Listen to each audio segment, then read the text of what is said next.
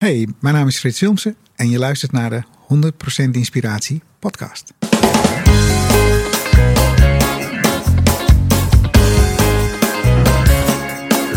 Hey, wat goed dat je luistert. Hij staat weer voor je klaar. Je wekelijkse dosis inspiratie is weer daar. De allerleukste gasten geven al hun kennis prijs. Met je veel te blije host, hij praat je bij. Zijn naam is Thijs. Thijs,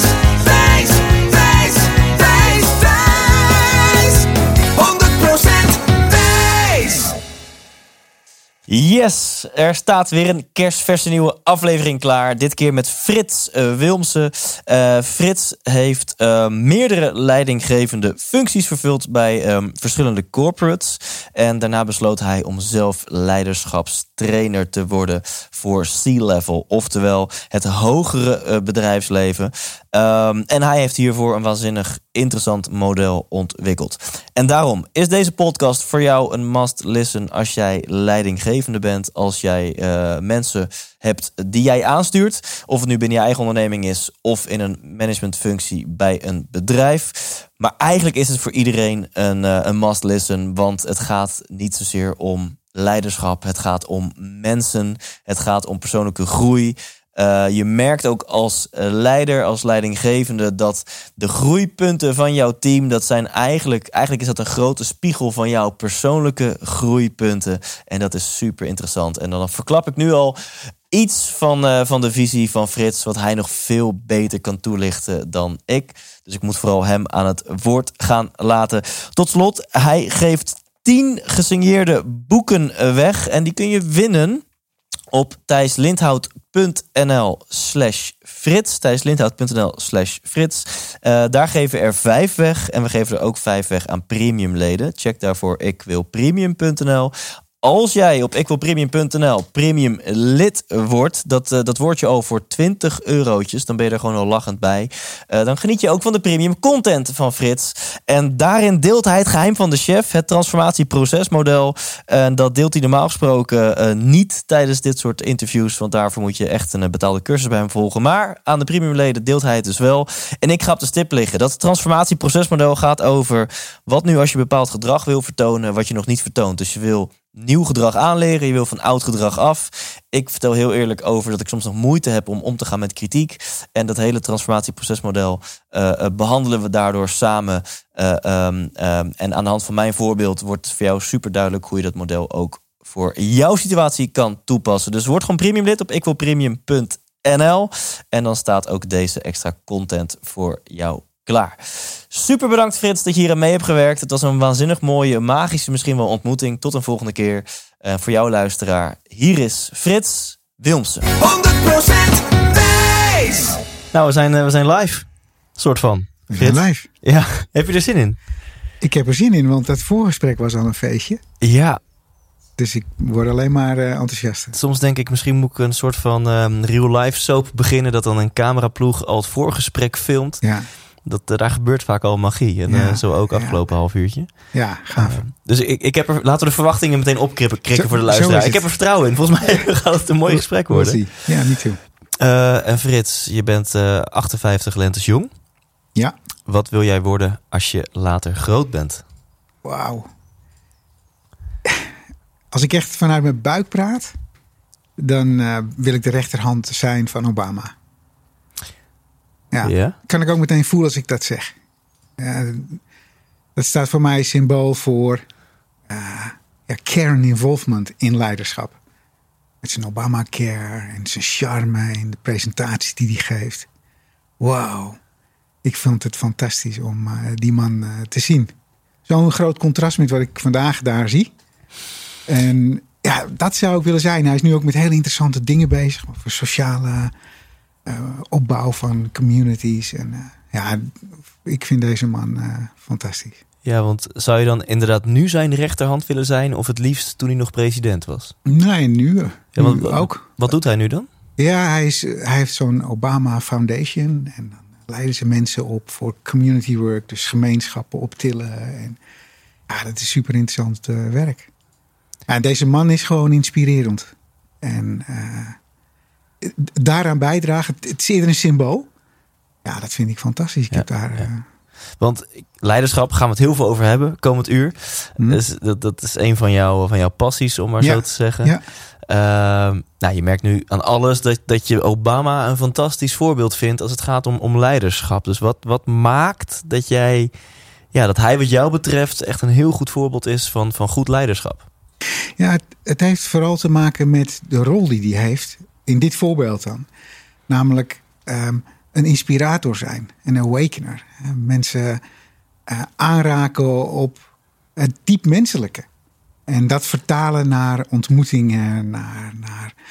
Dus een van die mooie filmpjes zichtbaar. Hè, dat dan iemand, een heckler heet dat, in de zaal. Ja. Plotseling gaat ja, schreeuwen dat ze het niet met hem eens zijn. En dan wordt er niet gezegd, eh, gooi hem eruit. Maar dan zegt hij, hey, ik heb tijd voor je straks.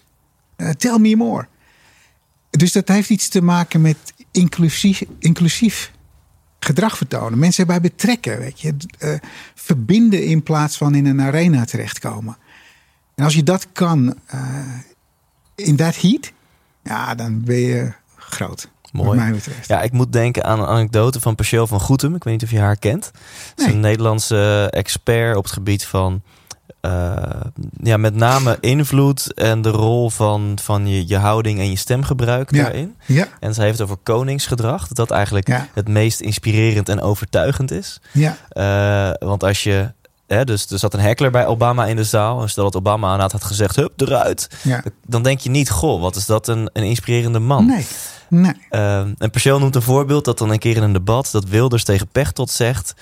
Eh Pechtold vraagt iets aan Wilders. Ja. Was blijkbaar wel een, een pittige vraag. En Wilders reageert: Alexander, wat ben jij toch een naar, miserig mannetje? Ja, En waarop Pechtold dan zegt: Nou, dankjewel. En mag ik dan nu antwoord op mijn vraag?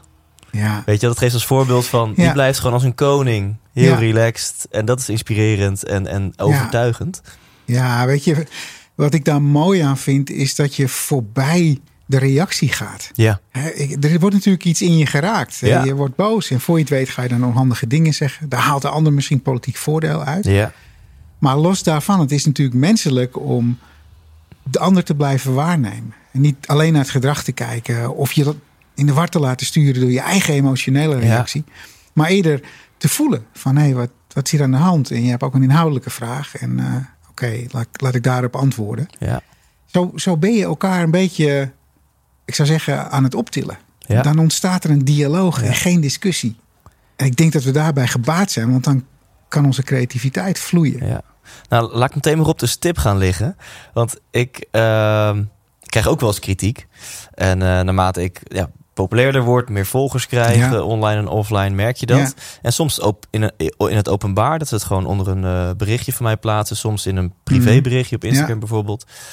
En dat is dan wel eens ah, narcist of vrouwenvriendelijk en zo. Ja, En dan, ja, dan, dan weet ik van nou, het, het mooiste is nu om, om je te verwonderen. Hey, Ja. Goh, wat interessant. Ja. Eh, wat maakt dat jij dat vindt? En, ja, eh, maar bij mij gaat heel vaak volle bak die interne vijand Ja. af. Dat, ik, ik ga dan niet typen, want zo verstandig ben ik dan nog wel. ja.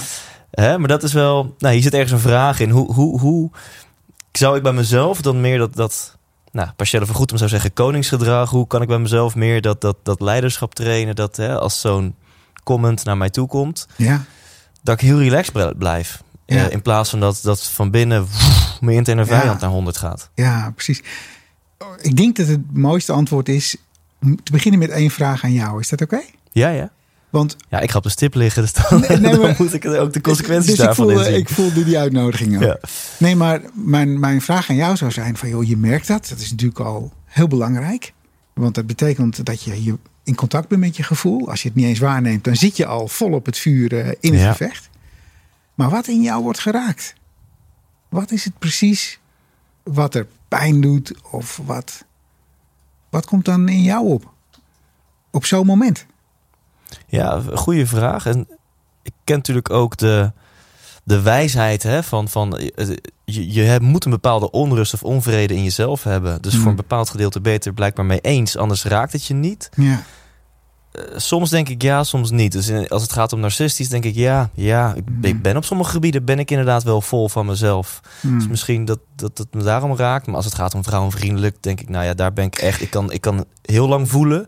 Maar er is echt niets in mij wat, wat Nee. vrouwenvriendelijk is. Maar dan toch raakt het me. Dus. Ja, ik denk dan toch wel dat ik graag wil pleasen, graag aardig gevonden wil worden. Dus Ja. hey, jij ziet niet mijn intenties. Dus jij hebt een beeld van mij wat niet klopt of wat niet matcht met hoe ik mezelf zie. Ja. En dat, dat vind ik moeilijk om mee te kopen. Ja. Ik wil dat jij mij ziet zoals ik, zoals mijn intenties zijn. ja, precies. En dat is dan ook meteen je behoefte. Ja. En die behoefte wordt niet aan voldaan. Wat we geneigd zijn te doen, is dan eh, met die pijn een eis neer te leggen bij een ander. Terwijl je ook aan jezelf kan vragen: van maar waar heb ik nou in essentie behoefte aan? En van wie heb ik die eh, geruststelling nodig? Ja. Kijk, als, je zo, als jij eh, zo zichtbaar bent, dan ben je ook een soort scherm waar mensen hun gedachten op projecteren. Ja. Ehm, en voor je het weet ben je bezig met de projectie van een ander. Ja. En dat is een lange weg. dus is het wel fijn zoals je nu doet. Dat je zegt, ja, ik merk dat ik eigenlijk wel die behoefte heb, maar wordt niet aan voldaan. Nou ja, oké, dan kan je in een verzoek blijven. Zoals Obama het verzoek deed van, joh, tell me more. ja. Dus dat kan ook naar jezelf toe. Van wat is het precies wat je nodig hebt? En dan ontspant er iets in je. Waardoor je ook makkelijker in staat bent om te reageren op een manier die, zoals Pechtold, eh ja. voorbij de arena gaat. Dus ik ben heel erg van eh, informatie structureren. Dus als ik het nu structureer, dan zeg je nou stap 1 is al de bewustwording. Hè? Dus dat je niet Ja. in je gevoel gaat zitten Maar en, en nare dingen waar je spijt van Mhm. gaat krijgen terugstuurt. Dus je wordt al bewust van, hé, er gebeurt iets in me. Ja, En stap 2 is dat onderzoeken. En bij mij kan dan uitkomst van het onderzoek zijn van... hé, ik heb eigenlijk een behoefte om aardig gevonden te worden... Ja, of dat mijn intenties worden gezien. Ja. En zou dan een volgende vraag kunnen zijn... maar is het nu verstandig om deze behoefte bij deze persoon te gaan halen?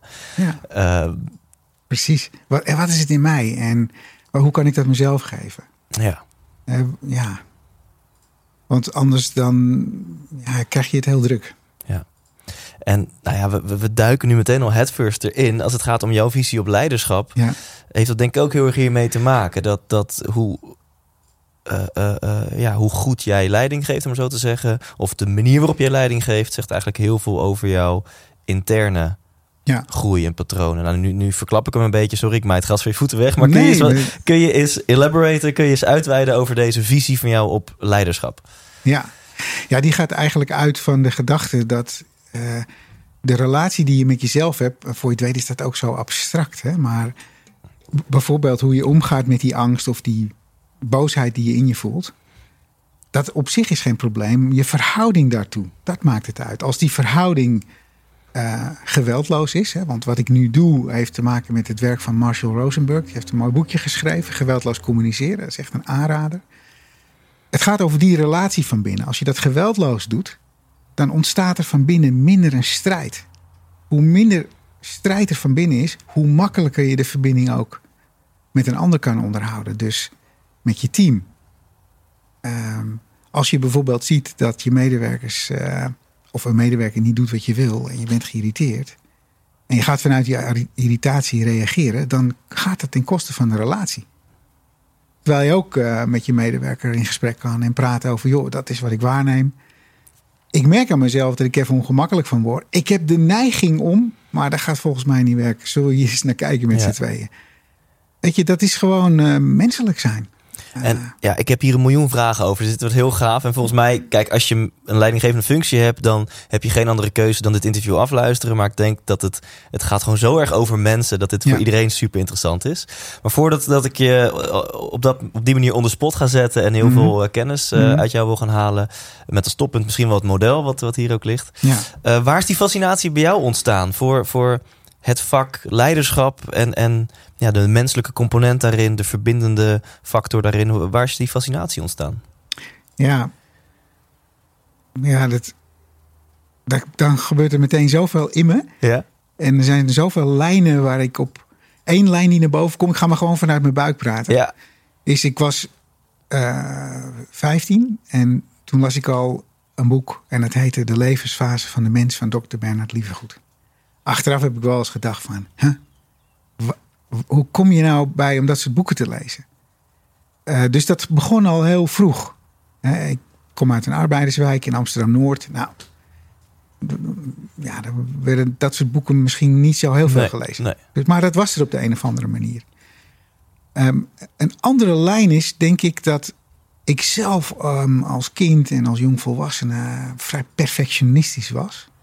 Vrees dat ik dat niet helemaal heb achtergelaten. Maar, en, maar dat leidde er ook toe dat ik grote angst had om dingen fout te doen. Ja. Om afgewezen te worden.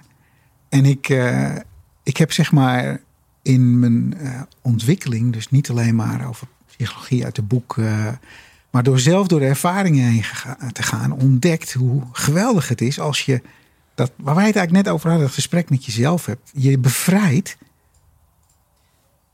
En ik denk dat dat de ingrediënten zijn voor de gedachte, maar hier, dit is zo gaaf, hier kan iedereen van genieten. Als je dit nou eens doet eh, op je werk met je team, ja, dan ontstaat er natuurlijk een hele andere dynamiek dan dat je elkaar vliegen af zit te vangen op een spreadsheet. Ja. Dus ik denk dat het daar, het heeft dus echt iets te maken met mijn eigen onvermogen, angst. En maar daarmee aan de slag eh, kunnen. Ja, en, en zeg je hiermee, eh, want dit klinkt. Sommige mensen hangen nu al aan je lippen. Sommige mensen zullen denken, nou, klinkt nog een beetje vaag of, of Mhm. eh, ook niet zo praktisch. Nee. Hè, want is leiding geven niet gewoon iets heel praktisch en lean en Six Sigma en eh, weet ik veel hoe het allemaal heet. Ja. Ehm, eh, of is jouw stelling, ja, dat zijn allemaal leuke tools. Maar uiteindelijk is de, de, de essentie, de kern zit hem toch meer in het persoonlijke en in bepaalde patronen. En als je die niet aanpakt, dan werkt lean en Six Sigma werkt ook niet. Nou ja, ik denk dat deze voorbeelden, Lean en Six Sigma, eh, ongelooflijk belangrijk zijn. Ze zijn noodzakelijk, maar niet voldoende om het ja, geheel te laten draaien. En dat wat ontbreekt heeft iets te maken met die menselijke maat. Dus je hebt een heel eh, structuur neergezet, maar die mensen in die organisatie, die gaan daarmee, moeten daarmee gaan werken. Als je die niet hebt betrokken, of ze geloven er niet in, of ze hebben niet de vaardigheden om ermee aan de slag te Ja, dan gaat dat natuurlijk mis. Kijk, weet, dat vond ik zo mooi. Nou, mooi, dat ik zo interessant vind. Vroeger, vroeger had je van die ehm, ehm, benaderingen. Die gingen vanuit je niet een burning platform.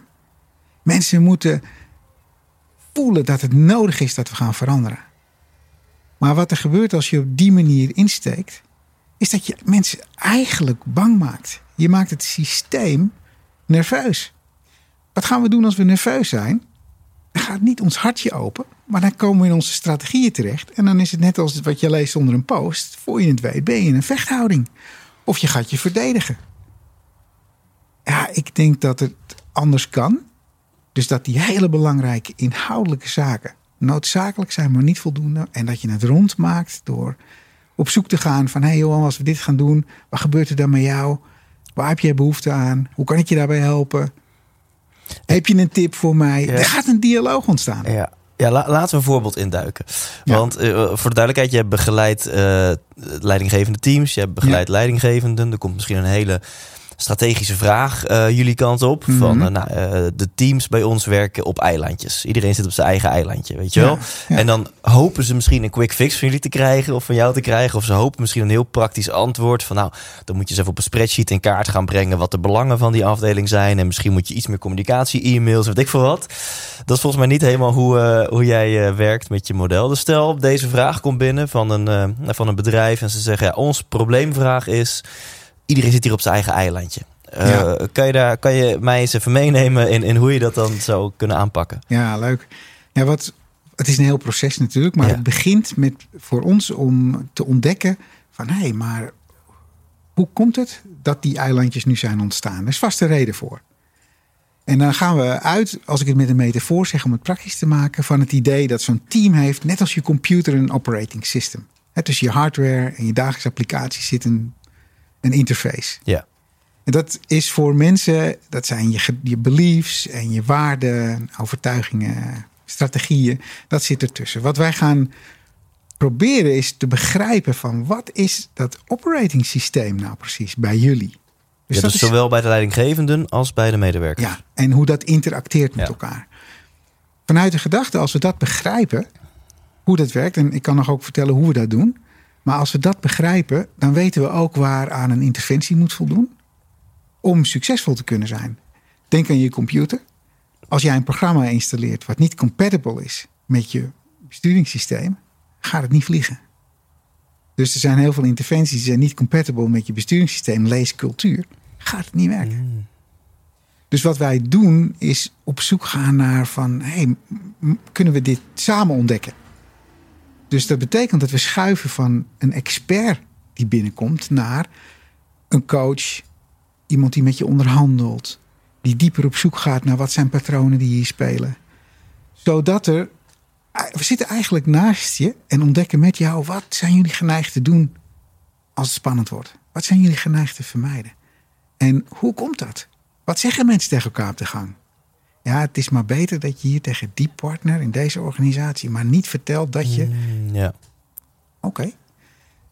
Dat zijn de ongeschreven regels van het spel. Die proberen we met het team in kaart te brengen. Nogmaals, niet vanuit het idee wij weten hoe het zit, maar we helpen je ontdekken waar hier de parels in de modder liggen.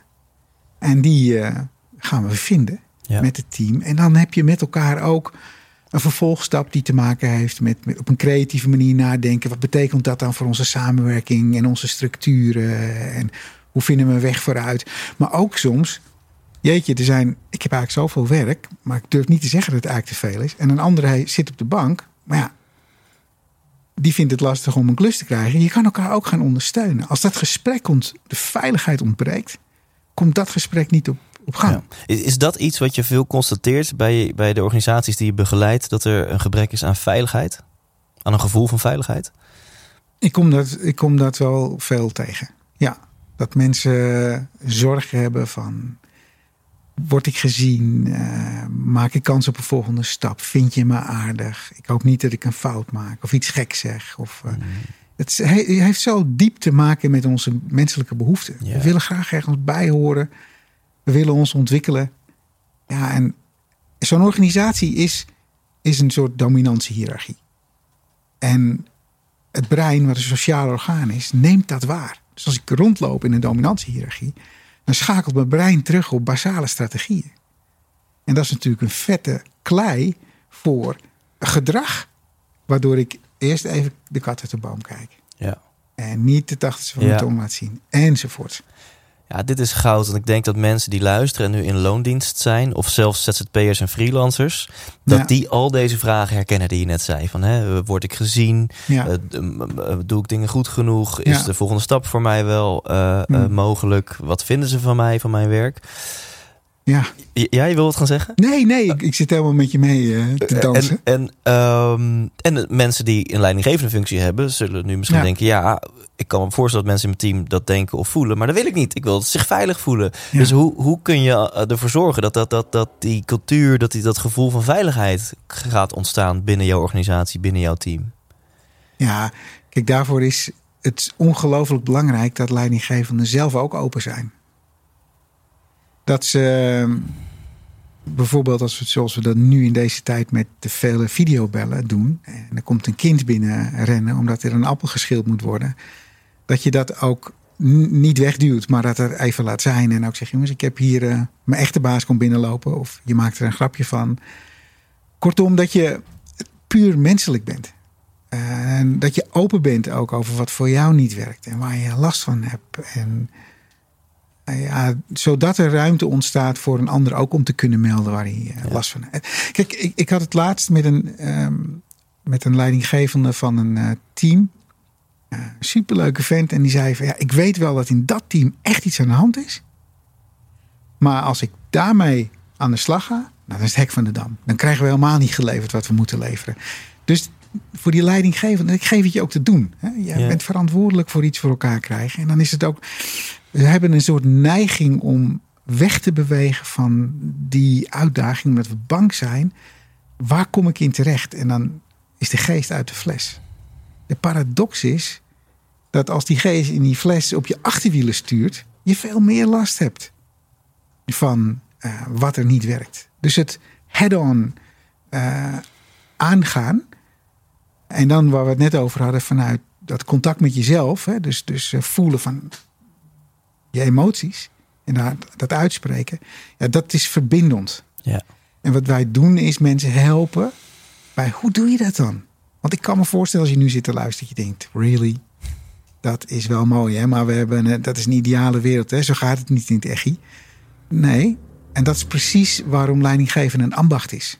Dat is iets wat je kan leren. En daar kan je zo ongelooflijk veel verborgen kosten mee voorkomen. Want dan kijk je natuurlijk vaak naar, wat- kost dit nou? Maar als je nadenkt over wat voor verborgen kosten er zijn... doordat je geen contact hebt met je mensen... dat ze soms in plukjes tegelijk je bedrijf verlaten... in goede tijden dan... waarmee zoveel kennis verloren gaat... en de teams die achterblijven in de problemen komen... en jij dus met je klant niet kan leveren wat je wil leveren. Ja. Het is een systeem. Ja, en dit is echt waarom ik zo, onder andere waarom ik zo verliefd ben op ondernemerschap. Je Ja. springt gewoon een pool in Ja, van persoonlijke groei. ja En, en, absoluut. en, en als jij niet groeit, dan gaat jouw bedrijf, jouw team, wat dat ook is, oh, ja. gaat, gaat ook niet groeien. Dat is één grote Nee. spiegel van jezelf.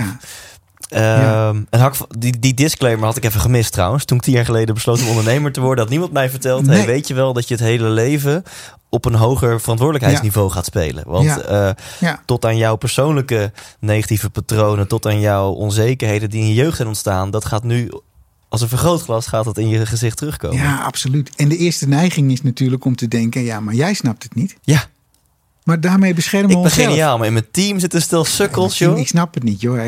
Ik moet er echt op- bovenop zitten, want anders dan gebeurt er niks. En het team zegt: Jezus, ik zit er bovenop. Ik, ik, ik durf me niet meer te bewegen. Dus maar dat gesprek daarover. En een beetje de moed hebben om stoer zijn eh, los te laten. Ja. Ja, dat gaat nou, voor ondernemers Ja, natuurlijk de- feest. Stoer zijn versus kwetsbaar zijn, is wat ik hierin eh, hoor. Ja. En volgens mij is dit waar de schoen wringt. Hmm. Dat eh, ondernemers daar met een vraag komen van ja, eh, het werkt niet en eh, ze doen het niet goed of ze, ze werken in eilandjes. Ja, En dan komt Frits Wilmsen en die gaat ze helpen en die zegt nee maar wacht eens eventjes. Ehm, misschien moet jij dan beginnen met transparant zijn, ja, met eerlijk zijn, ja. met kwetsbaar zijn. En dan Ja. denken ze misschien, oh shit, dit Wacht was, ik dacht dat ik een heel praktisch traject inging, maar eh, ja. Zeker, dat, dat komt voort, Thijs. Want eh, het is natuurlijk ook spannend. Maar de bedrijven, en we hebben het geluk dat we met heel wat mensen werken die echt voor openstaan. Ja. En eh, ja, zodat we ook langere, langduriger bedrijven kunnen begeleiden. Ja, die, die voelen daar de waarde van. Ja. En ja, dan, dan heb je ook eigenlijk niks te verkopen. Ja. Weet je, dan gaat de telefoon. En, en dan zijn leidinggevenden daar ook. Maar je moet wel door een ervaring heen gaan. Want dat is ook een beetje, als je erover vertelt, dan is het natuurlijk abstract en inhoudelijk. Maar als je zelf door, we nemen het ook op met een camera, eh, laten mensen met elkaar oefenen. Kijken dan terug, niet met dit idee van we gaan je vertellen wat goed en fout is. Maar we kijken met je naar wat gebeurt hier nou? Eigenlijk bij jou van binnen. Ja. En wat betekent dat voor het gesprek? Ja, dus je hebt het niet over, hey, je gebruikt hier het woordje maar en misschien kun je beter Nee. zeggen en tegelijkertijd vind ik dat. Of. De- Nou, nee. je hebt het gewoon puur over, hey, je kijkt eens naar jezelf terug en wat gebeurt er nou bij jou? Wat gebeurt er Ja. in jouw onderbuik? Wat, wat, Ja. wat- waar ben je bang voor? Wat, wat Ja. denk je? Precies. Ja. En als dat ontstaat, ja, dan word ik heel eh, gelukkig. Ja, ik zie het. Ja, dat is natuurlijk zo mooi. Want dan kom ik misschien wel, wel, dat realiseer ik me nu ook, terecht bij wat ik zelf van binnen zou. Eh, weet je, dat je het goed wil doen en dat lukt dan niet. En dat iemand eigenlijk een arm om je schouder legt en zegt, joh, niks aan de hand, we gaan het nog een keer doen. Ja. Ja, ik, ik heb maar een heel klein team, maar eh, een van de mensen die ook heeft gezorgd dat ik hier zit, hè, Maarten Mhm. die eh, schrijft op zijn LinkedIn bij mij. En dat vond ik heel leuk. Van ja, hij, ik mag hem geen baas noemen, maar hij noemt me dan toch zijn baas. Hè? Want ik zei vanaf het begin af aan één ding: je hebt geen baas, je bent een professional en ik zit naast jou. Ja, ja. En ehm, ehm, ik ben even kwijt wat ik nou wilde zeggen, want er komen er zoveel dingen door mijn hoofd. Je, zei, nu kom ik ook op bij iets, je wil iets over jezelf gaan vertellen, denk ik, waarom je dit zo leuk vindt of zo boeiend. Ja, ik ben even kwijt wat ik wilde vertellen, omdat even door mijn enthousiasme. Ehm, Anders heb ik gewoon een volgende vraag. nee, doe dat maar, want ik ben hem even kwijt. Ja.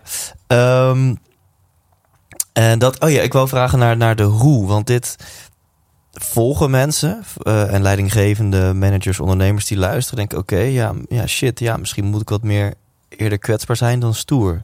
En is het helemaal oké om ook aan te geven dat ik het soms niet weet. Maar dan de grote vraag, hoe dan? Weet je, het is heel makkelijk om met tegeltjeswijsheden te Ja. komen. Ja, Ehm, weet je wel, ik kan me voorstellen dat je nu denkt als ondernemer... ja, moet ik dan mijn team in de ruimte gooien en dan gaan zeggen... ja jongens, eh, ik ben ook onzeker. Ik weet het ook niet. Ik wil ook maar dat jullie mij aardig vinden. Weet je wel? Dus dat is misschien ook weer niet de bedoeling. Dus- Dus Nee. kan je iets over die hoe dan eh, Ja. vertellen? Mensen die er nu van overtuigd zijn... oké, ik moet dus meer open, meer kwetsbaar, meer eerlijk zijn. Maar hoe dan? ja, ik denk dat het begint en zo pakken we dat dan aan als we echt met een team aan de slag mogen. En misschien is het dan handig om een vertaalslag te maken zonder dat je die training eh, hebt. Is dat we bij mensen eerst beginnen met, joh, waar waar heb je plezier van in het werken met dit team? En zijn er ook frustraties? En is het oké dat we daarna vragen? En wat zou je nou eigenlijk graag met dit team aan de orde willen stellen? Dat mensen daar eerst dicht bij zichzelf mee beginnen om te reflecteren. En vervolgens ehm, gaan we eerst in gesprek met... zullen we een moment nemen om eh, na te denken over hoe het met je gaat? Hoe zit je er op dit moment bij? Ehm, wie wil beginnen? Zodat mensen gewoon kunnen praten vanuit waar ze... Nou ja, dan kan het gaan over... joh, eh, mijn vader is ziek en eh, daar heb ik last van. En eh, daar ben ik een beetje verdrietig van. En een ander vertelt, joh, mijn vrouw is zwanger. Dan krijg je een ander gesprek. Dus dit gaat uit van de gedachte, eerst de mens en dan de zaak. Dus we hebben wel een duidelijk kader waar we het over hebben met dit team. Vervolgens gaan we aan de slag met Tell me more, hoe is het nou eigenlijk met je? Echt? En zeker ook in deze videoconference tijden, die een neiging hebben om wat cognitiever en inhoudelijk te worden. Ja, terwijl er bij mensen thuis een boel aan de hand is. En dus de tijd nemen, ook naar de transitie post-corona, van joh, wat hebben we geleerd van deze, deze tijd over samenwerken, over onszelf? Hoe vertalen we dat nou naar nieuwe afspraken? Ja. Ehm, Zo'n rondje zorgt ervoor dat mensen openkomen. Maar be- bedoel je, doen jullie zo'n rondje met de leidinggevende Ja. die jullie ondersteunen? Of, of, of adviseer je hen om ook zo'n rondje te doen met hun team? Ja, dat zou ik doen. En als je denkt, ja, maar dat vind ik wel wat oncomfortabel, dan kan je beginnen bij, als er straks weer van dat soort momenten zijn, bij de koffieautomaat. Ja. Of, of je belt iemand op en je zegt, joh, ik heb eh, zitten luisteren naar een podcast en eh, er kwam dit in de orde en dat triggerde me wel. En toen dacht ik van, misschien moeten we daar eens over nadenken. En dan heb je het gesprek al eh, gaande. Ja, en kun je misschien mensen geruststellen? Ehm, want ik kan me voorstellen dat hier een angst onder zit. Dat je dus het eng vindt om bijvoorbeeld tegen je team eerlijk te zijn over jongens. Kijk, de reden dat ik zo op die target zit, is dat, ik bedoel, ik heb boven mij heb ik de aandeelhouders of, of de RVC, weet je wel. En dat- ik, ik moet daar ook maar weer eh, alle kogels vangen. En, Ja. en, en, en ik ben daar gestrest over, weet je. Of Ja. je zegt, als je een wat kleiner bedrijfje hebt, hey, ik heb ook gewoon een hypotheek en het gaat Ja. nu slecht. En ik maak me soms zorgen of ik over Mhm. een half jaar mijn kinderen nog eten kan geven. Dus we moeten met z'n allen even schouders. Ik kan me voorstellen dat daar een angst onder zit. Dat je zegt, maar ik kom toch slap over als ik, als ik dan een beetje Ja. zielig ga lopen doen naar mijn team, weet Ja. je wel? Dus, dus kan je Ja. ze geruststellen of je wat over vertellen? Ja, ja, nou kijk, dat model wa- waar we Waar we zo over gaan hebben. gaan hebben. Ja, dat impeccable leadership model begint met zeg maar een, een, een, een vierhoek en dat is een kader. Ja, En dat moet inspirerend zijn en duidelijk. Waarmee je mensen kan gidsen. Dus dan is het voor een leidinggever, nee, dit is onze opdracht. Dit is wat we in de wereld willen zitten. En daaraan doen we geen concessies. Ehm, dit is het kader waar, waar we strategisch aan werken. Maar ik wil tegelijkertijd met jullie in gesprek over hoe gaan we dat doen en wat hebben jullie nodig om dat voor elkaar te krijgen. Wat voor soort leiderschap gaat nou werken? Eh, tell me more. Of zoals een van mijn beste kameraden, Robert, eh, tegen zijn mensen zegt van... heb je een tip voor Robert? en dan komen mensen met hun tips. En dan is er een soort ander gesprek mogelijk. Of eh, bij een bank waar we een, het MT begeleiden... was op een gegeven moment in de ontwikkeling de vraag van... ja, maar we willen feedback. Dat mensen elkaar aanspreken. Waarbij wij de suggestie deden van... ja, maar je kan ook jouw ontwikkeling aan de orde stellen met jouw medewerkers en vragen: hier ben ik mee bezig, daar loop ik tegenop. Wat vind jij dat ik moet leren? Dan draai je de boel om. Terug naar jouw vraag van is dat niet? Want jij denkt, waar gaat die heen? ja ik denk, ik eh, mooi politiek ontweken. Ik ga hem gewoon weer terugpakken. Nee, nee, maar je doet het zelf, hoor. Je joh, doet het zelf wel. Ik weet met wie ik praat, eh, Thijs. eh. Maar terug daarnaar is dat je in- inderdaad zegt, joh, maar er is een relatie met, eh, met wat we te doen hebben. Daar doen we geen concessies aan, maar hoe we dat doen, ja, daar wil ik, willen we elkaar bij eh, betrekken. Dat is het demonstreren van jouw menselijkheid en dat is eigenlijk heel dapper. Dat wi- wil, je hoeft geen janksessies te houden. Daar gaat het niet om, maar je laten zien als mens binnen een duidelijk kader, vaste grond onder je voeten. Ja, ga je zelf maar na. Wat voor soort leidinggevende wil jij hebben? Ja. Ja, ik denk dat dat zeg maar heel, eh, heel, heel krachtig kan werken. Ja. Ik had een keer hier in het team, toen ik zelf nog de, de leidinggevende was, hadden we iemand eh, gepromoveerd en andere mensen in het team waren het er niet zo mee eens. Ja, Dat hadden we eigenlijk ook niet zo netjes gedaan. We hadden dat iets meer een open sollicitatie en iets open meer over moeten communiceren. En Hmm. toenmalige persoon waarmee ik samenwerkte, die, ehm, ja, die wilde eigenlijk tegen het team, want die weerstand kwam nadat het nieuws bekend werd, die wilde eigenlijk tegen het team nog strenger het touwtje in handen nemen. Van jongens, eh, wij staan achter ons besluit en we hebben hierover nagedacht en vertrouw nou maar in ons. En ik dacht, nou, misschien, en dit klinkt nu een beetje Ja. alsof ik mezelf eh, Nee. eh, wil, wil ophemelen. nee. Maar ik heb per ongeluk het goede gedaan. Ik dacht, nee, volgens mij moeten we tegen het team zeggen... jongens, we hebben fout gemaakt. Sorry. Ja. Jullie hebben helemaal gelijk. We hadden dit anders aan moeten pakken. Gaan we volgende keer ook doen. ja, En excuses daarvoor. ja, En dat hebben we ook gedaan. En eh, eh, ik merkte ook later dat dat, eh, ja. ja, dat, dat heel effectief was. Ja, Eh, ja. ehm, Weet je, dit is zo krachtig. Ehm, het is een beetje zoals je in, in het zwembad een bal hebt. En die bal is dan even de onvrede van het team. En dan ga je met kracht die bal onder water duwen. Ja, je hoeft maar even niet op te letten. En dan komt die bal omhoog. Ja. Dus het beste is maar die rechtstreeks op de bal afgaan. Ja. En, en dat wat jij demonstreert heeft iets te maken met het overwinnen van eigenlijk je verlangen om serieus genomen te worden, stoer te zijn. ja, Maar de, de kracht zit natuurlijk in van ja, hey guys, ehm, ik zie nu wel even dat dat even niet zo handig was. ja, Ik, ik, ik heb het vermoeden. Weet je, in al, al die jaren werken met mensen heb ik wel ontdekt dat mensen hebben een bullshit radar. mooi. Weet je, en die, sommige zijn wat scherper afgesteld dan anderen, maar of, het nou, of je het meteen Ja. merkt of later. Ja. Maar mensen willen echtheid, Ja. geloof ik. Eh, In de zin van menselijk zijn. Merk dat, je. Dat Ja, werkt. sorry. Ja.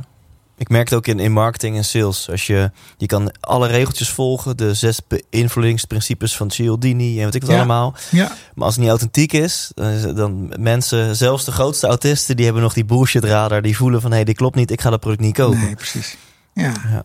ja. dan gaat het gewoon, eh, gaat het gewoon niet werken. Ja, ja. Laten we het bikini-model erbij pakken. Yes, Zeg dat klinkt in ieder geval sexy.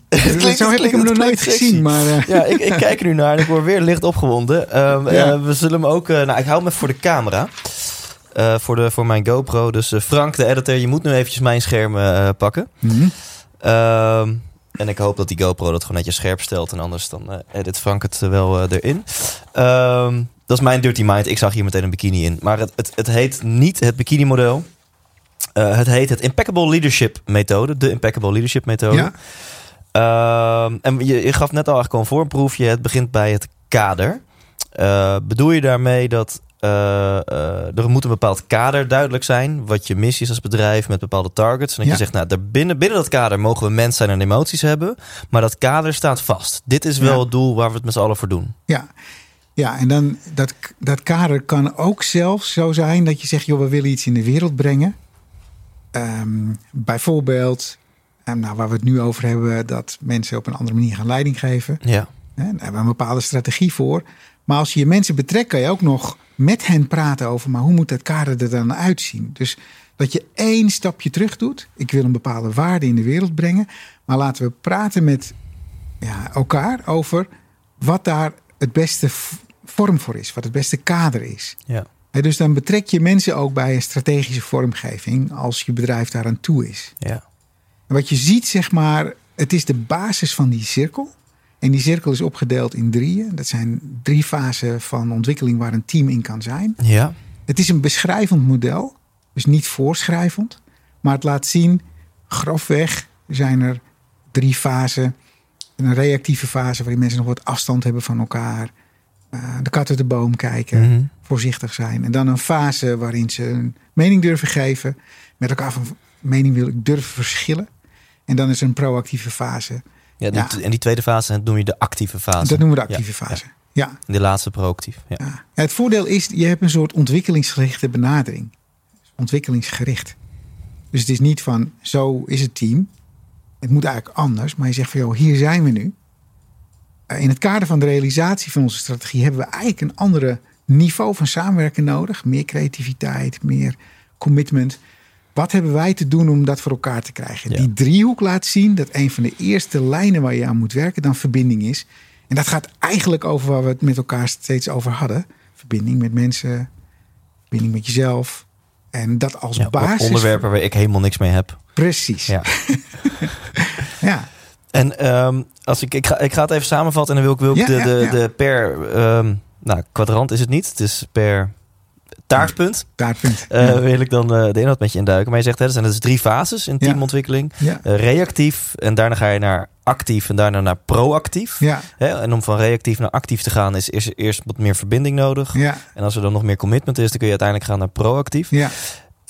Werkt dit in cirkeltjes? Dat als je zegt van hé, we waren, ja, jij helpt een bedrijf om van reactief via actief naar proactief te gaan. Maar dat betekent denk ik niet dat je dan voor de rest van je leven een proactief bedrijf hebt. Dus kun je Nee. dan weer terugschieten in reactief. Ja. En dat je dan, dat zijn het soort van cycli die je telkens doorloopt. ja, zeker. Het is ook een gebroken cirkel. Ja, Het is eigenlijk een krachtenveld. Meer dan dat het. eh, Maar een cirkel helpt ja precies. Er zit geen, Nee. het is niet per se dat je die Nee. rondjes zo eh, netjes afloopt. Nee. Bijvoorbeeld een team wat proactief is. eh, het heel goed kan vinden met een leidinggevende die het team ook snapt. En er is een goede dynamiek met de markt. Leidinggevende vertrekt. Dan ja, gebeurt er iets met het team. Ja, En dan valt het terug naar andere fasen van ontwikkeling. Omdat iets heel belangrijks eh, ons, ja, ontbreekt. Het mooie is natuurlijk dat de leider zoveel mogelijk het leiderschap deelt. Zodat die terugval minder hard is. En ook sneller kan worden rebounced, om het maar zo te zeggen. Ja. Maar het, het is eigenlijk een hulpmiddel om taal te vinden met elkaar over ontwikkeling. En wat we nodig hebben om elkaar op te tillen. Want ja. daar is het eigenlijk in essentie over op gebaseerd. Je ziet ook voor commitment de onderhandelaarrol staan. Eh, ze hebben naast coach. Ja, ja. ja, klopt. En Ja. dat wil eigenlijk zeggen van joh, als je met elkaar die verbinding hebt en je begrijpt elkaars belangen, dan ga je op zoek naar wat kunnen we bedenken om ervoor te zorgen dat het binnen dit kader voor iedereen werkt. Ja. Dus dat is eigenlijk voor elkaars belangen zorgen. Ja. En dat is wat eh, komt van het Harvard Negotiation Project. En dat is iets waar het bedrijf waar ik werk, Frits Philips en Partners, door Frits Philips eh 35 jaar geleden naar Nederland is gehaald. Ah. Dus we hebben het integraal onderdeel gemaakt van eh, zeg maar deze leiderschap aanpak. Gaaf. En ja, La- Laten we hem één want je gaf al een voorproefje over een verder stadium. Maar laten we eens Ja. gewoon beginnen. F- de- de- en ik, je zegt net, het is niet per se een cycli, maar eh, in principe wil je van reactief naar actief in eerste instantie. Hè? Ja. En kan je dus dat reactief, je zei net al, hè, dan voelen mensen zich misschien niet helemaal veilig, dan delen ze nog niet alles. Dus kan je even toelichten hoe een reactief team eruit ziet? En kun je toelichten wat er voor nodig is, verbinding gaf je, gaf je al Ja. aan, wat er voor nodig is om van reactief naar een actief organisatieteam Ja. te gaan. ja. Nou, stel je voor een wat grotere organisatie. En eh, er komt een opdracht binnen. Daar wordt een team voor samengesteld. En soms kennen mensen elkaar. Een deel wel, een deel niet. Die komen in een zaal. Er is een projectleider bij. Stel je voor, en ik denk dat we allemaal wel eens in zo'n nieuw team zijn gestapt. Wat zie je dan gebeuren in zo'n team? Als je om je heen kijkt, dan is er bepaald gedrag Ja. van mensen. En dat heeft vaak te maken met even de kat uit de boom kijken. Wie zit er hier? Wil ik hier eigenlijk wel zijn? Als ik straks aan mij iets gevraagd wordt, hoop ik niet dat ik iets geks zeg. Maar dat soort eh, gesprekken die ervoor zorgen, waar het over die do- dominantiehierarchie, waardoor die strategieën gaan werken. Waardoor Ja. wij ons eigenlijk, dat is heel logisch, onszelf een beetje beschermen. Maar het heeft effect op de onderlinge dynamiek. Ja. Daarom noemen we het reactief.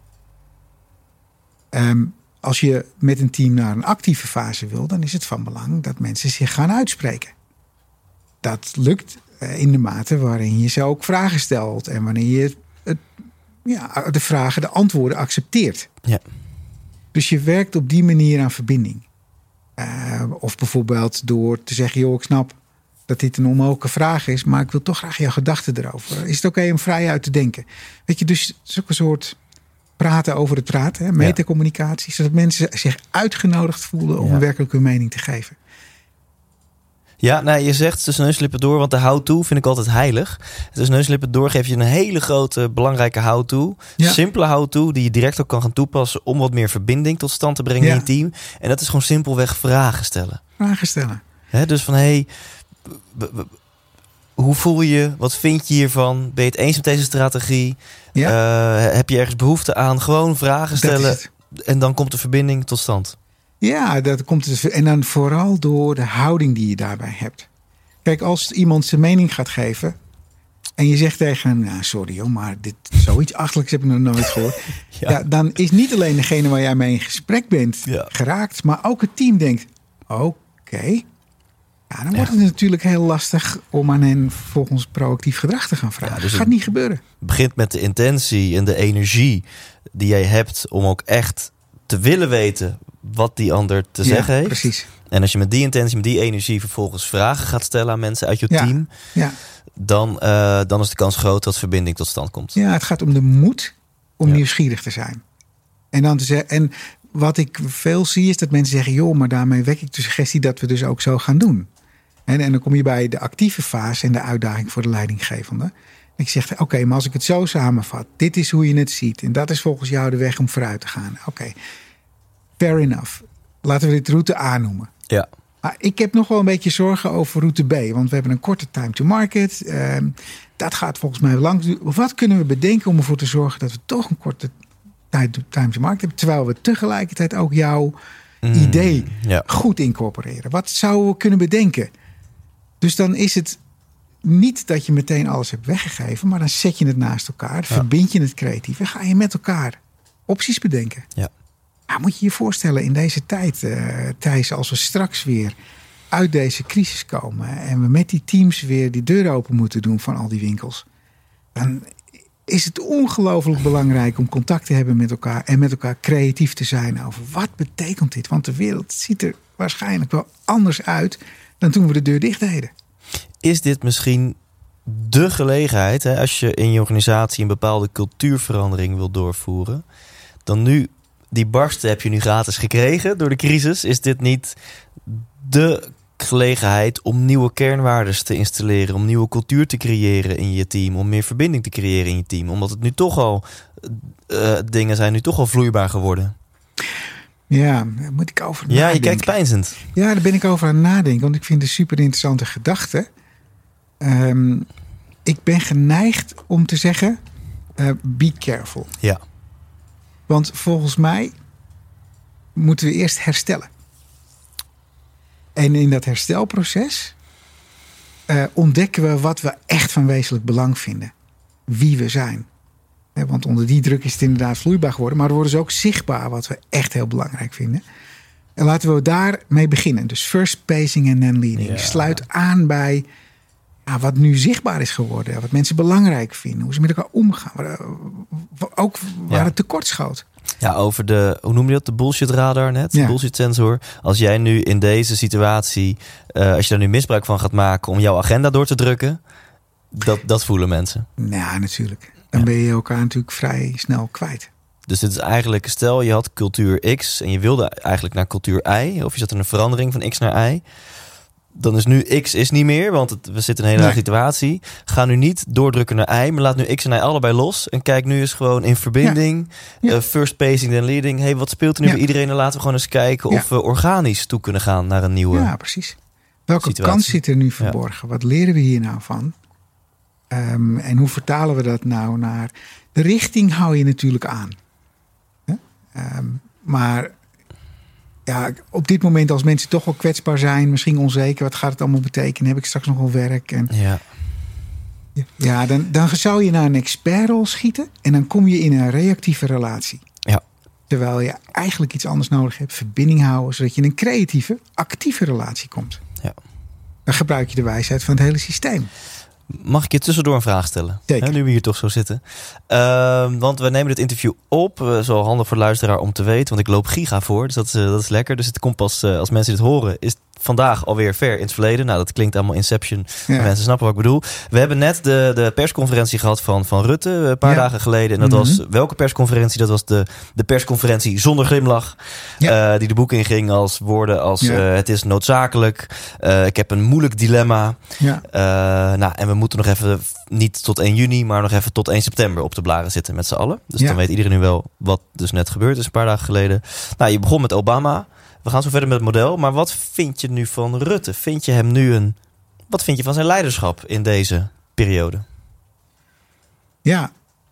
Ik, ik, ehm, ik heb het. Ik ben even aan het voelen ook.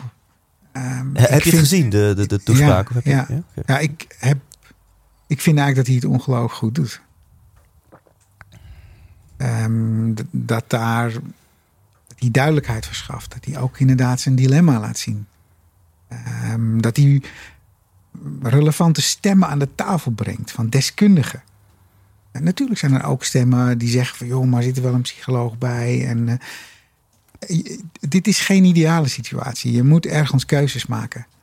Maar helemaal geen keuzes maken, ja, dat is nog veel erger. Ja. En ik denk dat door relevante stemmen aan de tafel te brengen... de manier waarop je ook in persconferenties een lijn eh, verder weet te brengen... ik ben daar wel van onder de indruk, ja. Ja, dus je vindt het goed, eh, met name omdat hij experts aan het, aan het woord laat en keuzes durft te maken. Ja, en ook zichtbaar is in wat hij, eh, hoe ongelooflijk lastig het ook voor hem is. Want ik geef het je te doen. Ja. Ik geef het je te doen. Wat ik aan moest denken, want ik lees ook van die artikelen die zeggen: joh, maar het gaat te veel ten koste van de economie. En ja, er valt ook iets voor te zeggen. Maar moet je nagaan, hè? als we nu zeggen we laten het bijvoorbeeld los, dan, eh, ja, dan komt er een grote overdruk op ziekenhuizen. En degene die ja, het los willen laten, die staan niet voor de keuze wie moet ik laten leven en wie moet ik sterven. Laten sterven. Ja. Hè? Want dat soort keuzes hebben we het over. Ja. Dus leiderschap gaat ook over dat je rekenschap geeft van de consequenties. In het oude Rome bijvoorbeeld was er een tijd dat huizen instortten. En uh, overleden mensen van. Tot de Senaat besloot van ja, maar als er nou nog een huis instort en dan gaat iemand dood, dan brengen we ook de, de bouwer om. Ja. Beetje harde maatregel. Maar het probleem hield op. Als Ja. ik even een lang verhaal Ja. plat sla. Dus je, je moet ook de consequenties betrekken. En soms hebben we meningen zonder dat wij die consequenties hoeven dragen. Nou, en toch, ik, ik, ik kan de verleiding niet weerstaan om een heel klein beetje in de inhoud te gaan. Ini-mini. Eh, en, en, en niet te veel, want ik wil hier geen politiek debat van ik- maken. Ik, nee. Ehm, maar ik ben toch wel, we laten het dan gewoon leiderschapstechnisch hier naar kijken. Mhm. Want je hebt over de vorm. Hè? Hij laat experts aan het woord. eh, hij deelt zijn dilemma. Hij maakt Ja. keuzes. Hij is daadkrachtig. ja. Maar goed, de inhoud wil ook wat. ja, En, en je, je zou jezelf natuurlijk ook af kunnen vragen, even heel plat. Eh, eh, je moet keuzes maken. Wat is, wat Ja. is erger? Een Ja. overvolle IC ja, of een miljoen werklozen? Hè? Want het kan best zijn dat als dit nog zes maanden doorgaat, dat we naar een miljoen werklozen gaan extra erbij. Eh, en dat, dat klinkt nu heel inhumaan, maar een miljoen werklozen heeft ook allerlei Absoluut. erge re- dingen tot gevolg. Met ook indirect doden en criminaliteit en et cetera. En de kindjes van die gezinnen gaan maar zo maar door. Dus en ja. ergens, ik snap dat die speech natuurlijk ook voor Henk en Ingrid, of juist voor Henk en Ingrid, heel duidelijk en, en, en logisch moet zijn. Maar dus inhoudelijk, ja. qua vorm ik het met je eens. Inhoudelijk dacht ik, ja, Rutte, maak je het jezelf nu niet heel makkelijk door te zeggen: het is noodzakelijk en ik moet deze keuze maken. Hmm. Ja. Eh, Had je niet iets meer moeten zeggen over: ik ben me ervan bewust dat dit Mm. veel werkloosheid tot gevolg heeft. Daar houden Ja. we rekening mee, dat wegen we af. In ieder geval, ik miste die geruststelling, zeg nou, maar. dat kan ik, kan ik, eh, daar, kan, daar kan ik heel goed in mee. Dat snap ik. Dat had, had het nog mooier gemaakt. Ja, zeker. Ja. Mooi, je denkt er verder niet op ingaan.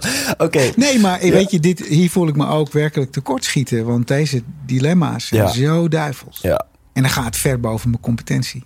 Dus daar heb ik als... Nou, als- mooi, eerlijk. Ja, daar heb ik een mening over als persoon. Maar Nou, ik vind dit, dit is heel mooi dat je dit zegt. Want je, ik, dat heb ik al ook in de voorbespreking een paar keer bij jou eh, gezien. Dat je heel, eh, naar mijn idee, heel puur bent en eerlijk. Hè? Nu zeg je van, nou ja, dit, ik, ik snap je zorgtijs, die deel ik. En als persoon vind ik er wat van. Maar dit gaat boven mijn competentie Ja. als leiderschapstrainer, coach, Ja. expert. ja, eh, ik hoorde je net al een keer zeggen toen ik je iets vroeg, dat je zei van, oeh, nu merk ik dat ik een beetje verlegen word. Of ik merk Ja. dat ik dit spannend vind. Dat ga je dus- toch niet verklappen, Thijs? hè? Nee, dit knippen we eruit. Ja. ja. Nee, Nee, dus, maar- dus dat vind ik, dat vind ik misschien nog wel inspirerender dan, dan zeg maar een, een model wat je deelt. Ik denk van, hé, ja. dit, is, dit is gaaf. Jij. Frits, als persoon. Dat je, dat je nou, één, je moet al dat contact met jezelf voelen. En ernaar luisteren. En je benoemt het zelfs ook. Dus ik, nou, hier zit niet echt een vraag in, maar je voelt dat ik hier toch nieuwsgierig naar ben. ja. Hoe, hoe zit dat bij jou? Dat je dus ja, heel bewust bent van hoe je je voelt en dat gewoon durft te uiten. Ja, ja, wa- wa- wat een voordeel is, is dat ik lang dit werk doe en lang hierdoor geïnspireerd ben. En dat, dat helpt, denk ik. Ehm, maar wat, wat voor mij ook echt heel belangrijk is, ik vraag aan mensen en bedrijven die we begeleiden om met elkaar over dit soort dingen te praten, omdat daar de hefboom zit van succes.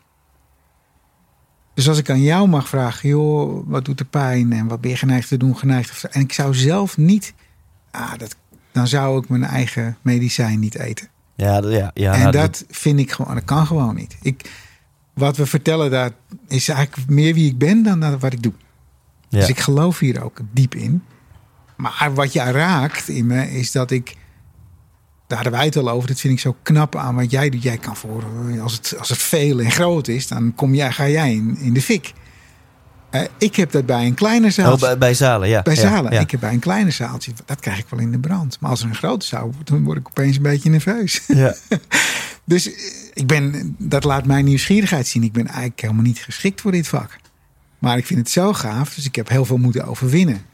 Maar dat hele diepe, die verlegenheid in me, dat is er gewoon nog. ja, dus 1 op 1 floreer jij, 1 op 6 denk je lekker, maar 1 op 60, dan word je zenuwachtig. Ja, ik, inmiddels gaat het beter. Maar hoe groter het werd, hoe, eh, hoe, meer, hoe meer ik me ging voorbereiden. En daaraan merk ik van, hé, je bent gewoon bang. ja. En waar, waar ben je bang voor? Ja, weet je, dat ik dan mijn werk niet goed doe of dat mensen het een onzin vragen. Ik vind, ik, eigenlijk nu zit ik ook in een hele, voor mij oncomfortabele situatie. M- Komt misschien ook door jou, maar ik voel me op mijn gemak. Ik denk van ja, dit is gewoon wat het is. Ja, Dus als ik er eenmaal in ben, dan is het, wel- gaat dat. ja. Maar als ik van tevoren denk, ja, je moet eh, voor een avond 200 man, dan denk ik, oh, echt, mama. Ja. Ja, ik vind het Ja. cool aan dit medium. Het is, als je dit straks terugluistert, dan is het helemaal geëdit. En dan klinkt je stem als een soort van Gerard Ekdom radiostem. Oh. En er zit een jingle voor. En dan denk je, Ja. oh, dat klinkt echt heel cool. Maar nu, Ja. tijdens het opnemen, is het heel kaal. Ik nodig wel eens mensen uit om een opname bij te wonen. En ja, we zitten gewoon tegenover elkaar, gewoon met elkaar te praten. En, eh, Ja. eh, maar dat zorgt juist voor dat, dat je als luisteraar het gevoel hebt van... oh, ik, ik, ja, ik ben gewoon onderdeel van dit gesprek. ja. Van twee interessante mensen. Ja, maar dat moet het denk ik ook wel zijn. Want dat, ik dacht ook nog, ik, hoe moet ik me hier nou op voorbereiden? Ik dacht, dat, ik ga me niet voorbereiden. Ehm, ik, ik had wel een gesprek met... ehm, in België is een meneer, die heet Raf Stevens. Die doet ook zo'n podcast. Ken je die Mhm. misschien? Nee? En doet ook Soundclub heet het. Volgens mij top meneer ook. En die zei, en die zei van ja, het is mooi als je verhaal ontstaat en het is geen construct. En eh, ja, dat, daar geloof ik ook in. Ik heb het idee dat ik met jou zit te praten. Ja. Maar over jouw hoofd heen praten vind ik ook een beetje gek. Dan zou ik over jouw hoofd heen moeten praten naar mensen. Hoe bedoel je over mijn hoofd? nou, weet je, dan ga ik eigenlijk denken aan al die mensen die misschien luisteren. Oh, op die manier, ja. Terwijl ik toch, er zit hier een mens, Ja, jij en ik, Ja. nu. ja. Daar gebeurt het. Ja. Ja, mooi. Dat, dat, is- misschien is het een kromme vergelijking. En ik heb straks ook nog eh, een vraag aan je, een Mm. soort van daarover. Maar ik ehm, mocht mijn, mijn tour afsluiten in het Beatrix Theater in Utrecht voor Ja. 1500 mensen. En eh, nou, we hebben het net over, nou, om de Ja. luisteraar ook een beetje daarin mee te nemen. We hadden het dus over dat hoe minder mensen, hoe minder zenuwachtig jij bent. En bij mij is het juist hoe minder mensen, hoe meer zenuwachtig ik ben. Ja, Eh, ik, ik mocht een keer voor zes ondernemers een soort van private, op een Mm. exclusief retreat, een soort van masterclassje doen in hoe heb ik dit bedrijf gebouwd en hoe heb ik mezelf overbodig gemaakt. En ik was Mm. fucking zenuwachtig, want er zaten maar zes mensen. En onderweg daar naartoe werd ik gebeld. Is een beetje het hand gelopen, we hebben twintig mensen. Ja. En ik voelde al een vloed van opluchting. Oh, wat relaxed. heerlijk. oh, wat minder persoonlijk. ja, ja, Eh, dus ik werk zo. ja. Ehm, en toen had ik mijn show in het Beatrix Theater voor 1500 man, maar dat werd ook gefilmd. Dat, dat, Ja. dat, nou, die beelden gaan ergens uitkomen, linksom of rechtsom. En toen dacht ik, ja, ja dat gaan misschien wel tienduizenden, misschien wel honderdduizenden mensen zien als het op tv of, of waar Ja. dan ook komt. ja. Nou, En toen? toen? werd ik helemaal lijp. Oh, Toen werd ik helemaal lijp. Ja. En toen, ik heb een keer eerder dat gehad. En toen heb ik geen lekkere show gespeeld. Heb ik op de automatische piloot. Ik heb Ja. een perfecte show neergezet, maar Ja. uit verbinding. Gewoon het script Ja. eruit geramd, weet ja, je wel. Ja. En nu, ehm, toevallig kwam Guido Weijers eventjes langs, vlak voordat ik op moest als verrassing. Fles champagne, hey Thijs, ik moet er weer vandoor, maar die camera's zijn er niet. Maak gewoon een leuke avond. enige Ja. wat telt is gewoon komende twee uur, maak een leuke avond met deze Ja. mensen. Ja. En dat was echt gewoon zo Ja. mooi. En dat landde ook. En ik heb er ook een knop Ja. omgezet van, weet je, ik ga met deze 1500 mensen, want daar ben ik dus niet per se uber zenuwachtig voor. Ik ga met Nee. deze 1500 mensen Ja. gaan we een gave avond creëren. En ik heb echt geen seconde aan die camera's Ja. gedacht. Ja.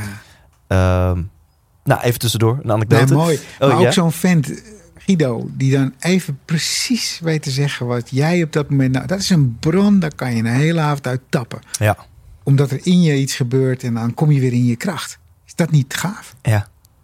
Super lief. Ja, is ook echt super lief. Ja, absoluut. Ja. En mijn vraag aan jou is, want je zegt, ik vroeg aan jou, wat maakt jou, eh, wat vind je eng aan, aan meerdere mensen? Hm. En je zegt, ja, ik ben bang dat ik het dan niet goed doe. Maar Ja. ja, 1 op 1, 1 op 6, 1 op 8. Heb je toch ook, kan je toch ook de angst hebben dat je het niet goed doet? Nee, dat is natuurlijk het mooie van hoe onze psyche werkt. Ehm, want rationeel gezien is dat gauw geklaard. Hè, dat... Ja. Maar mijn emotie, mijn emotie van binnen, die grote gorilla die een boel macht heeft, die denkt er heel anders over. Die denkt, ja, wacht even, wat gaan we nu doen? Wij gaan gewoon rennen. ja, ja, ja. Weet je, dus dat is natuurlijk ook. Dus die vragen waar wij het al over hadden. eh, als er iets in je getriggerd wordt, dat is die gorilla. Dat is je, de, de macht van je emoties en eh, je, je innerlijk. Maar die gorilla gaat dus af bij grote groepen en minder af bij, Bij kleine mij, groepen. ja. ja. Ja, en inmiddels, ik heb, ik, heb, eh, ik heb daar werk van gemaakt en een training voor gevolgd en geoefend. En eh, dan moest ik een Amerikaanse eh, televisiedominee spelen. Ik kreeg zelfs een pruik op en dan moest ik de zaal tot halleluja brengen. Nou, dat was zo leuk. En dat heeft iets gedaan. Ah, ja. En dus het is nu inmiddels minder, maar het blijft, blijft dat verlegen stukje blijft. Het is een stukje training en een stukje feel the fear and Ja. do it anyway. Ja, dat is het. Ja. Ja. En daar bouw je vertrouwen op. Ik heb het natuurlijk zo vaak gedaan inmiddels dat het, dat het nu oké is. Soms vervloek ik ook mezelf hoor. Ik bedoel, ik ben ook echt, kan ook echt poep, poep zenuwachtig Ja, zijn, denk ik.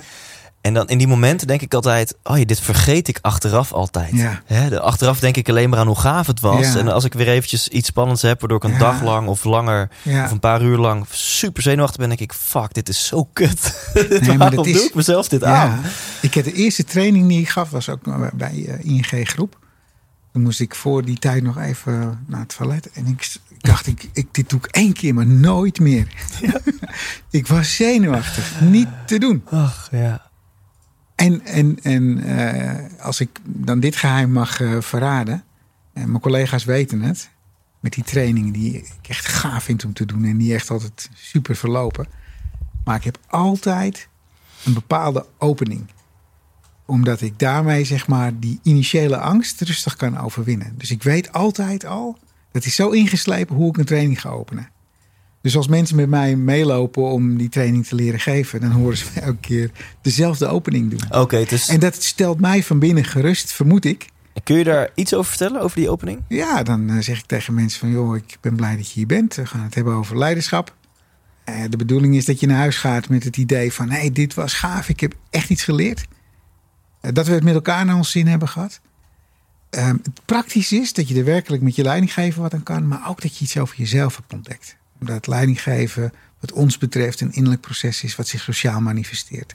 Dat is nu nog abstract, maar in de komende dagen gaan we hier dieper induiken. En nou, zo'n soort, je merkt al aan misschien, dat is een construct. Ja. Maar dat helpt mij om, eh, er zitten misschien nu wel wat mensen te luisteren en denken, ja, maar dat heb ik hem horen zeggen. Ja, dat klopt, dat heb ik, zo open ik dat. Ja.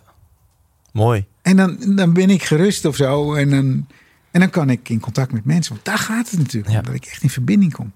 En anders ben ik in de war door mijn eigen gorilla. Ja. Dus ik geef hem een banaan. Mooi. Mooi. Laten we naar het eh, model ook weer gaan. Ja. Eh, en ik, ik moet trouwens ook even denken aan Remco Klaassen. Die begint eigenlijk zijn trainingen altijd, dan noemt hij een submersive entry. Ja. Eh, en hij zegt altijd, jongens, ik vind het best wel spannend om, om hier te staan. Ja. En, nou, ik ga nu iets verklappen, wat misschien haat hij me hiervoor. Eh, eh, sorry Remco, maar hij deelt het volgens mij zelf ook in zijn verbaal meesterschap training. Dat is dus een, nou, je zou Ja. het oneerbiedig een trucje kunnen noemen. Want gewoon als je gewoon deelt dat je het spannend vindt, dan laat je wat menselijkheid zien. Maar hij doet dus of eh, eh, een hele intensieve vierdaagse, de essentie van leiderschap, Ja. maximaal 25 mensen. Ja. En dan zegt hij: Jongens, ik vind het fucking spannend. Want ik ben gewend om voor grote groepen te staan. Gisteren Ja. nog 500 man Rabobank in een zaal. Ja, en dit is klein en intiem. Vind ik spannend. En als maar- hij dus zo'n grote bak voor zijn neus heeft, zegt hij: Jongens, ik vind het zo spannend. Wat ik normaal gesproken doe, is heel intiem Oh, voor echt? 25 man. En nu zitten we hier met vijf. Sorry Remco. Maar dat, eh, die submersive entry heb ik heel vaak van hem geleend. Om, Ja, heel charmant. ja, Heel charmant. Weet je, in zaal ben je meteen betrokken. Alleen, wat hij voor heeft eh, op mij is dat hij dat inzet. Ik moet het voor mezelf doen om rustig te zijn. Ja. Dus, ja, ja, ja, ja. Het model, want we waren bij... En toen Ja. gingen we naar Rutte, toen gingen we naar corona... Ja. en we vlogen helemaal uit de bocht. Ehm, wat kunnen we doen? We hebben nu een actieve organisatie. We hebben die verbinding gevonden. We hebben met echte interesse... eh, hebben we eh, vragen gesteld en mensen misschien wel betrokken bij de kaders. We hebben een actieve organisatie. Maar nu willen we naar een proactieve organisatie. ja, Hoe kunnen we dat doen? ja. ja, wat dan van belang is, is zeg maar dat we een beslissing nemen. Beslissingen nemen over hoe we met elkaar de samenwerking vormgeven. Waarbij we zoveel mogelijk stemmen gehoord hebben en in, reken, in rekening gebracht hebben van de, de richting die we nu kiezen. Ja. En als sponsor, dus dat is de eerste rol in de proactieve fase, kijk je dan naar het belang van het geheel. En dat doe je in je gedrag en in je beslissingen. Zodat je hele systeem, je hele gemeenschap. Want zo'n organisatie is natuurlijk ook een gemeenschap van mensen met hun verhalen, hun verlangens, hun angsten, vermogens en onvermogens. Dat die gemeenschap voelt, maar hey, dit gaat over ons Ja. in het kader van deze strategie. En dat vraagt ja, een boel innerlijke kracht en ontwikkeling om dat te kunnen. Want dat daagt je uit om voorbij je persoonlijke belang beslissingen te nemen. En als je dat kan, dan is het dus, ja, oké, ik moet een beslissing nemen. Dat is goed voor de organisatie, maar niet voor mijn afdeling. Ik kom nu in de problemen. Maar dan heb je de moed om toch de beslissing te nemen die voor het geheel, voor de gemeenschap, voor de organisatie, eh, belangrijk is. Ja. Dus je, je durft voorbij je eigen belang te kijken, te handelen, eh, je leiding te geven. Je leiding gaat dan over wij en niet over mij. Ja.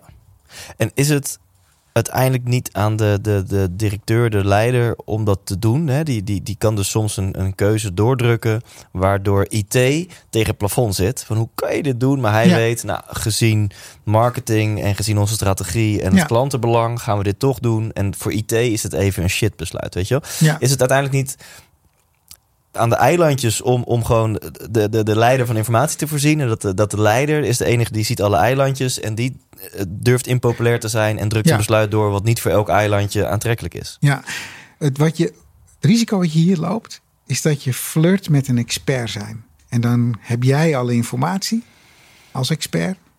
Je hebt alles af en jij neemt een beslissing. Dat betekent dat de groep dus weer een reactieve impuls krijgt. Hier, ik zeg niet dat het niet nodig is, want natuurlijk moet je van dit soort beslissingen nemen en alle informatie verzamelen. Alleen je, je betrekt elkaar in een dialoog. Je hebt het over de consequenties. En je zegt dan in dit geval tegen IT bijvoorbeeld van... oké, wat is de impact hiervan? En zullen we eens kijken wat we kunnen doen om ervoor te zorgen... hoe je met die impact omgaat, want het grotere belang. Dus je blijft in een dialoog. Ja. En zo formuleer je dus ook jouw beslissing... eh, gemotiveerd op de strategie en op het belang van het geheel. ja, en want hoe ga je dan om met dat dialoog als, je, als de keuze wel vaststaat, weet je wel? Ja, Want je, ja, je wil ook weer niet schijnheilige dialoog ingaan van... nee, nee, nee. Met een verborgen agenda van ik, ik, ik ga hem toch doordrukken, maar ik ga eerst eventjes, want dat heb ik geleerd bij een leiderschapstraining. Ja. hey, maar beste eh, eh, eh, Chief Technical Officer, hoofd van de afdeling IT. Hoe, hoe denk jij hierover? En wat betekent het voor jullie afdeling, weet je wel? Nee, dan ben je nog eigenlijk informatie aan het halen om te onderhandelen. Maar de sponsor, weet je, wat je daarmee verdient, is dat die groep ook verder is. Dus jij bent niet alleen maar als leidinggevende Ja. proactief geworden, maar je groep is ook proactief geworden. En dan kan je met elkaar op een hele andere manier in gesprek gaan en denken: fair enough, ik baal hiervan. Echt niet lekker. En volgend jaar flik je me niet nog een keer. Maar ik ga nu eh, met je mee, want ik snap het ook. Ja.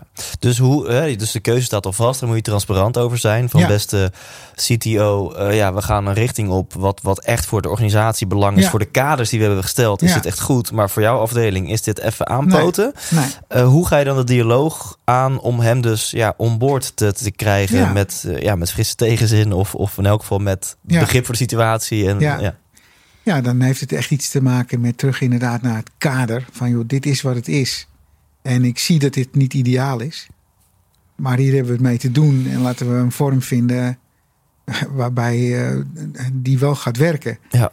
Maar weet dat ik weet dat jij dit echt niet leuk vindt. En dat Ja, ik daar, ah, daar is- zit die is me- mooi, ja. Ja. daar zit ik ook mee in mijn maag. Maar alles staat en valt met dat je het wel echt meent. Ja. Er zijn nu ook in deze komende tijd, althans en met komende tijd bedoel ik zeg maar van de corona naar post-corona-tijd, waarin budgetten ehm, onder druk komen staan, beslissingen worden genomen. Wat ik in de vorige crisis gezien heb, is dat sommige leidinggevenden dan tegen hun direct reports of leidinggevenden zeggen: vertel aan jouw team dat we bijvoorbeeld salarissen terugdraaien of dat de budgetten of dat je mag niet op een opleiding. Wat dan heel belangrijk is, is dat je als hoger management zelf ook je boodschap vertelt. En het niet overlaat aan die laag die daaronder je zit. Ja. Want daarmee zet je hen in een positie. Want die teams gaan dan tegen je, hun leidinggevende zeggen: Maar daar ben jij toch ook niet mee eens? Ja. En dan komt hij in een onmogelijke positie. Want hij is een beslissing aan het uitvoeren waar hij het misschien niet mee eens is. Heeft te weinig informatie. En, maar is wel op pad gestuurd met een onmogelijke opdracht. Ja. Dat soort belangrijke, systeemkritische beslissingen. Daar moet je als leidinggevende echt pal zelf voor gaan staan. Ja, heel mooi wat je Make zegt. sense? Ja, zeker. En dat je dan inderdaad zegt, hey, ik ben me bewust dat dit voor jou of voor jouw afdeling heel vervelend is. En dan zit ik mee in mijn maag. En je zegt, je moet het wel menen. Maar ja, als het goed is, denk je niet, oh, dit is, dit is shit voor die afdeling, lekker voor ze. Weet je wel? Nee. Ik- ik- als het goed is, zit je er ook echt mee Nee, in je maag. Voel je dat als geen Ja. ander van, oh, dit is, ik bouw voor Pietje of Sandra, Ja. want dit is, oeh, en dat, en deel, Nee. is de boodschap, deel dat gewoon. Ja, ja precies. Ja. Ja. We- gaan, we gaan afronden. Ik ga het, het ehm, bikini-model, nee, ze mag ik niet meer noemen. Het Impeccable Leadership eh, methode model ga ik eh, eh, sowieso ergens linkje erbij of zo zetten. Nou, over linkjes Leuk. gesproken. Als mensen denken, nou, Frits Wilmsen, eh, kun jij of kunnen jullie mij niet helpen? Of kan ik meer informatie vinden? Waar kan dat?